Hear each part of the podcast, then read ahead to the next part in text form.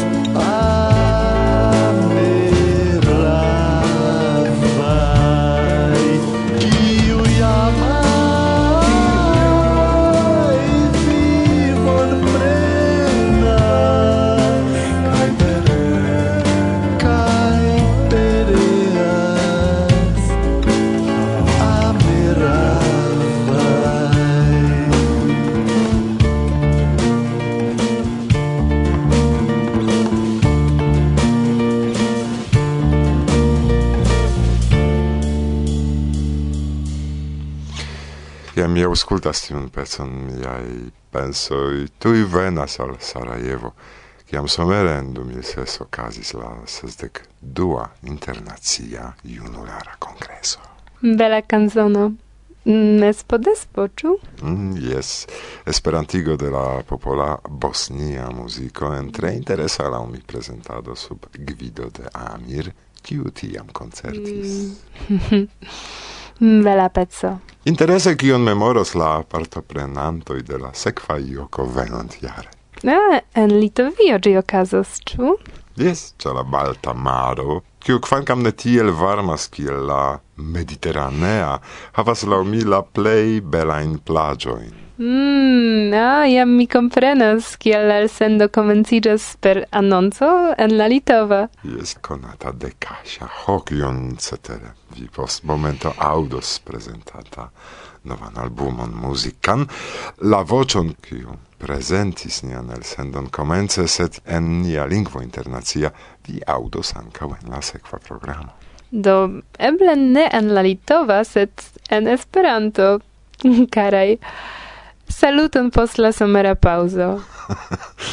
Saluton kai enkonduke antaŭ mikrofonoj en la provizora Varsovia studio.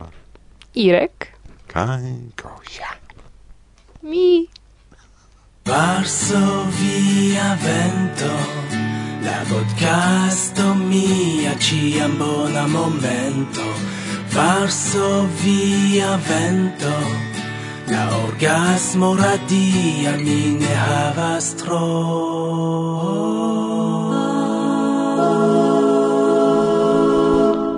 Ripoza post la somero? Mm, pli mal pli, sed mi ne scias, mi havas impreson, che de jaro al jaro la somero igas pli kaj pli mallongaj. Ha, ne nur vi havas tiun impreson. Kaj vi kontenta pro libertempo? Aha, imago mm, volonte ankaŭ mi ankoraŭ feriumus.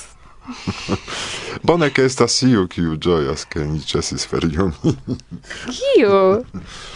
Tiu, kiu longe atendis nian novan programon. Ah, A, um, tiun mi povas kompreni. Kun doloro sed tamen.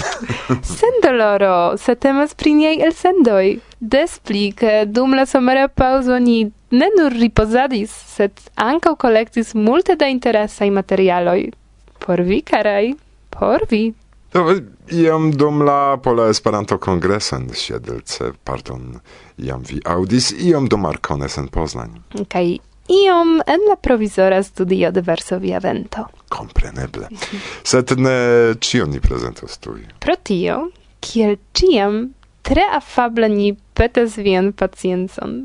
Simple sekvu niajn programojn. Sed antaŭ ol ni startos al la postsomera programo, mi ŝatus primemori nian amikon Jerzy Fornal, neforgeseblan aktoron de la Pola Nacia Teatro, kiu kunlaboris kun ni, kaj dank al talento de kiu jam ni kreis radio teatron de Varsovia Vento. Kaj kiu iĝis konata ankaŭ kiel Korvax el Mazi en Gondolando. Interalie.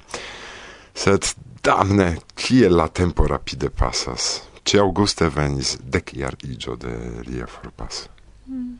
En la sekva elsendo do ni dedicos specialan tempon por Jerzy. Nepre. Hmm. Ĉu vi memoras la lastajn reklamojn, uh, eh, speciale tiun pri la evento en Japanio? Ah, fakte, jam okazis. Exacte.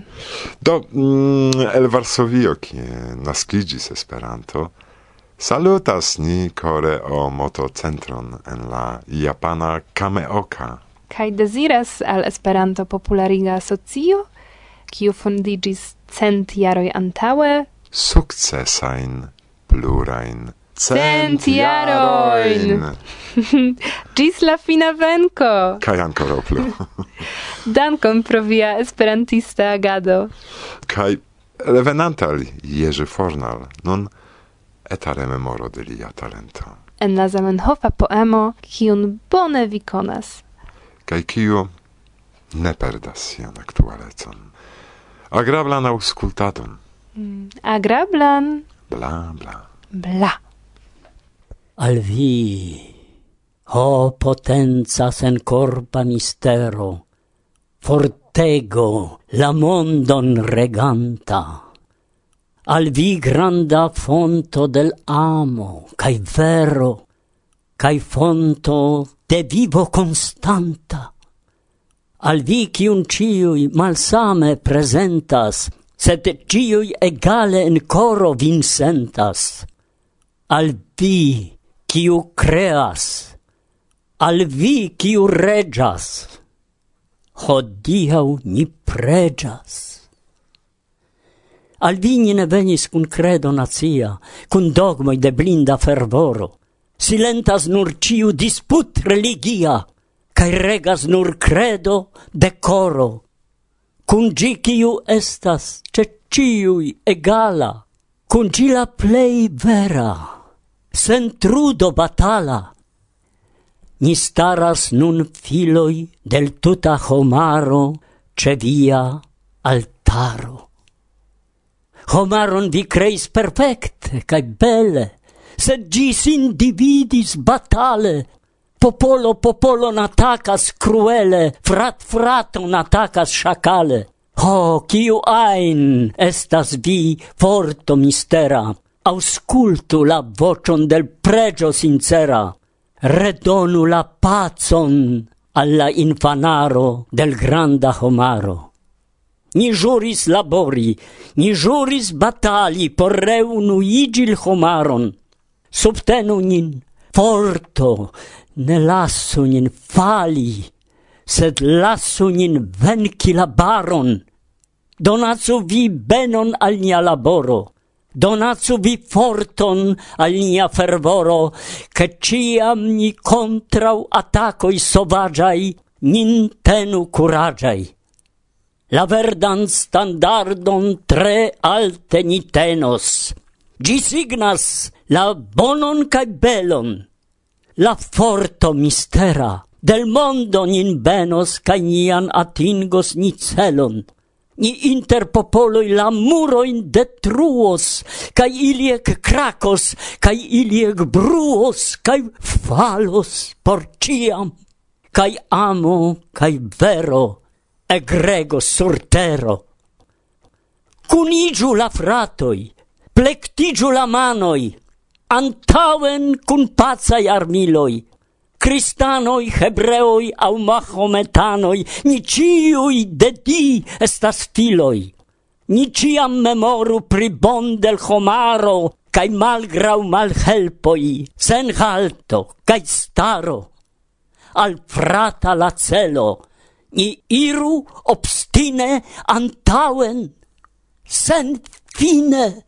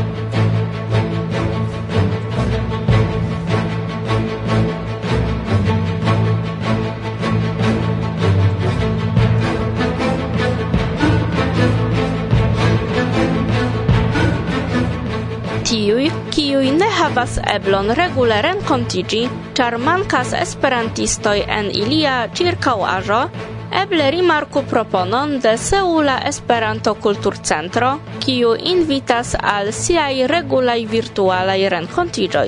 Ili okazas en ĉiu dua vendredo je la dudek unua horo loke kaj laŭ la universala tempo je la dek dua dufoje en monato. Ciu estas invitata. Temo de la renkontiĝoj cutime rilatas al la ordinara vivo. Unu sola condicio por aligi estas nur cono de Esperanto.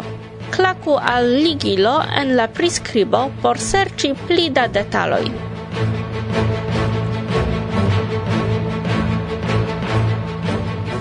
Apenaŭ rimarkeblis informoj pri evento de la Usono urbo Atlanta en kiu kolektigis grupo de filmistoj por realigi filmojn al Esperanto-konkurso. Pri kio temas eksciu mem pere de filmeto prezentita en la YouTube kanalo de Alexo Miller, kies ligilon vi trovos en la priskribo. Se vi ŝatas filmojn en Esperanto, nepre interesiĝu. Meze de la septembro en Lublino, oriente de Pollando, okazis scienca pikniko organizita de Lublina Scienca Festivalo, dum kiu, dank al iniciato de la loka aktivulo, Jacek Warda, aperis ankaŭ stando de la Pola Esperanto Asocio. Alveninta publiko eksciis inter alie pri la kreinto de Esperanto kaj pri la lingvo internacia. Krome al la stivolemuloj eblis mem taksi sian lingvokonon en iu ajn konata de ili lingvo. Valoras mencii, ke kontribui la aktivecon helpis la pola esperantistaro el aliaj urboj, inter ili Zofia Szmistek, Anna Laskowska, kaj kompreneble Marysia kaj mi. Fotojn el tiu evento serĉu en la retejo de Pola Esperanto Asocio.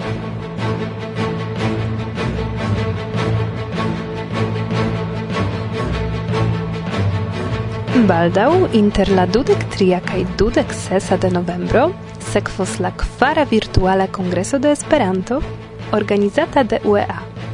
Realigata teknike de ECI kun muzika kontribuo de la eldonejo Vinil Kosmo, ĝi estos senpaga por individuaj membroj de UEA, kiuj aliĝos ĝis la dek tria de novembro.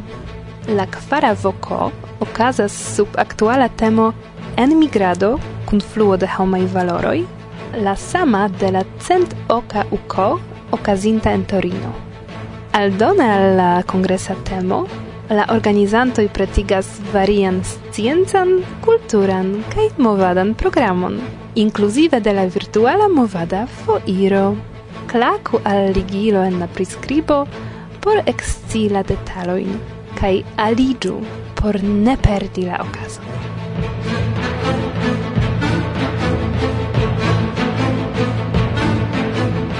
somere finigis la retajpo de la vortaro de la unua libro al la elektronika sistemo de kartoj. Dextre troveblas radikoj kun la originala traduko al la pola, ili estas videblaj en hazarda ordo.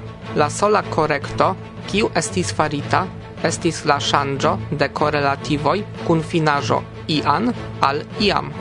Tiu ŝanĝo venas de la dua libro. Se vi interesiĝas pri tiu temo, klaku al la ligilo en la priskribo. Dum la centoka Universala Kongreso de Esperanto estis aljuĝitaj la agnoskoj, premioj kaj honoraj mencioj de la sepdek kvara eldono de la belartaj konkursoj de UEA. La ceremonion dum la kongreso gvidis la sekretario de la Boko Miguel Gutierrez Aduris kun subteno de la ex-estrarano Sara Spano conceptis la eventon la sekretario kaj prezidanto de la Boko Miguel Gutierrez Aduris kaj Miguel Fernandez. Okaze de la sepdek kvara eldono de la belartaj konkursoj estis ricevitaj en tute cent okdek verkaĵoj. Detalajn informojn ankaŭ koncernan filmeton atingu pere de ligiloj en priskribo de la aktualaĵo. Multaj jam scias pri tiu retejo, sed kiel la vivo pruvas, ankoraŭ ne ĉiuj. Estas do bona okazo informi pri eventa servo.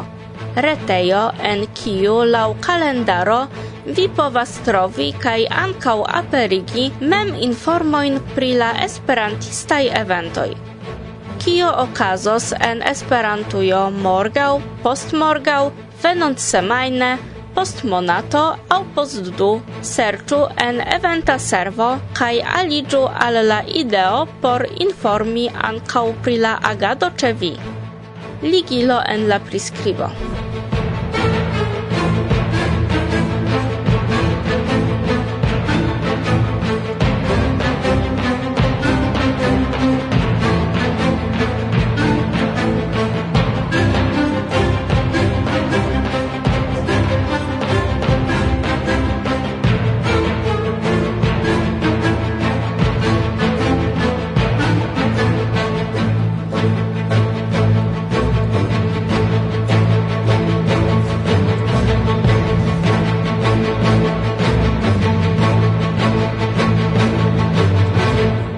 Aktualaĵojn prezentis Marysia.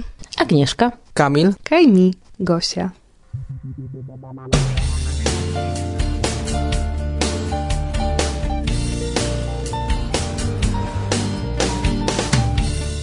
Esperanto mi ricevis de gepatroi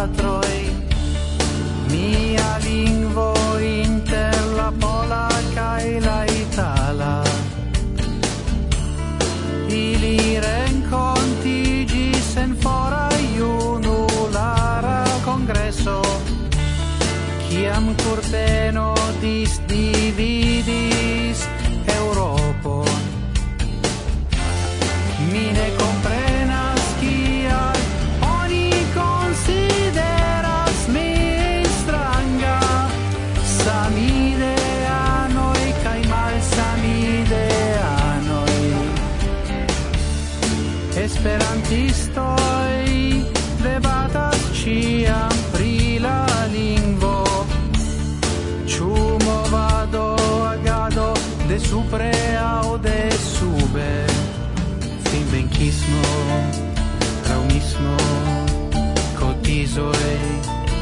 facinojn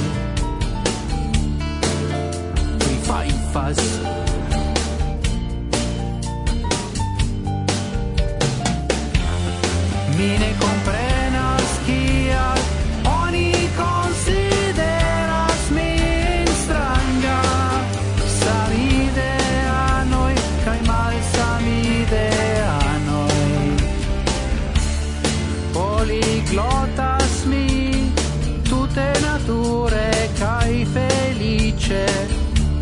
sed esperanton mi devas ciam pravigi.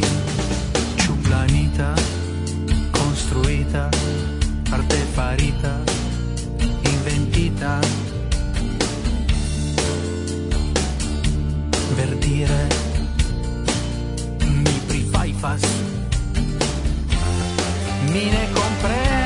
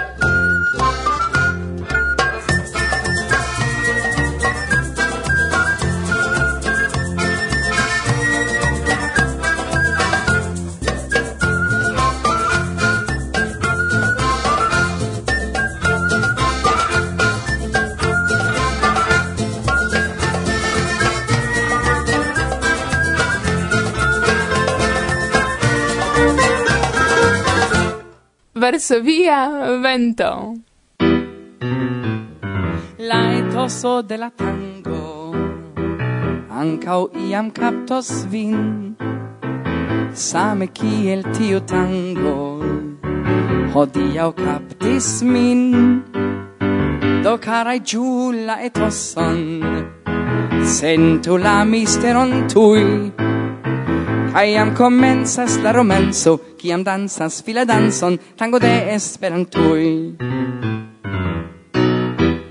Dansu kun mi, cantu kun mi, prenu mian coron, acceptu de mi floron, dansu kun mi, cantu kun mi, sentu la misteron de la tango de esperantui.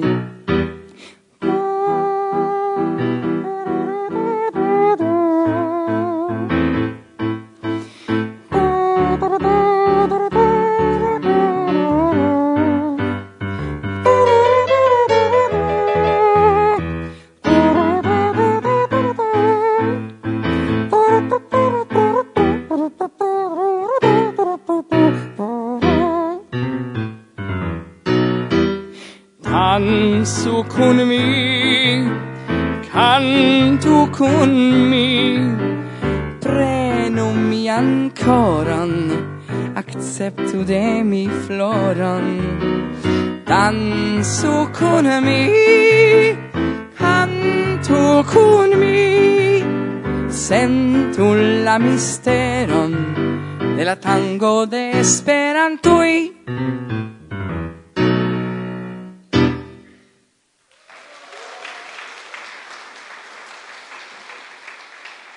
Saluton, mi estas Kashi el Germanujo el Hamburgo. Do kelkaj el intervi certe audis pri Kashi kaj audis lian voĉon ne nur dum intervjuoj, sed kantanta, ĉu? Mm. Varsovia vento, bla bla bla. Oh, tion eh, la fidele auscultantoj konas tre. Jam dek unu jaro tio estas, ĉar estas de la Yes. Kashi, eh, ne ĉiuj konas vin ankoraŭ en la mondo. Do, eble ni komencu de tiu ĉi momento, kiam kasi subite scias pri Esperanto. Mi jam longe audis pri Esperanto, kaj kiel ĝi sonas en la naŭdeka jaro en Hanovro, kie estis mia lernejo por blinduloj.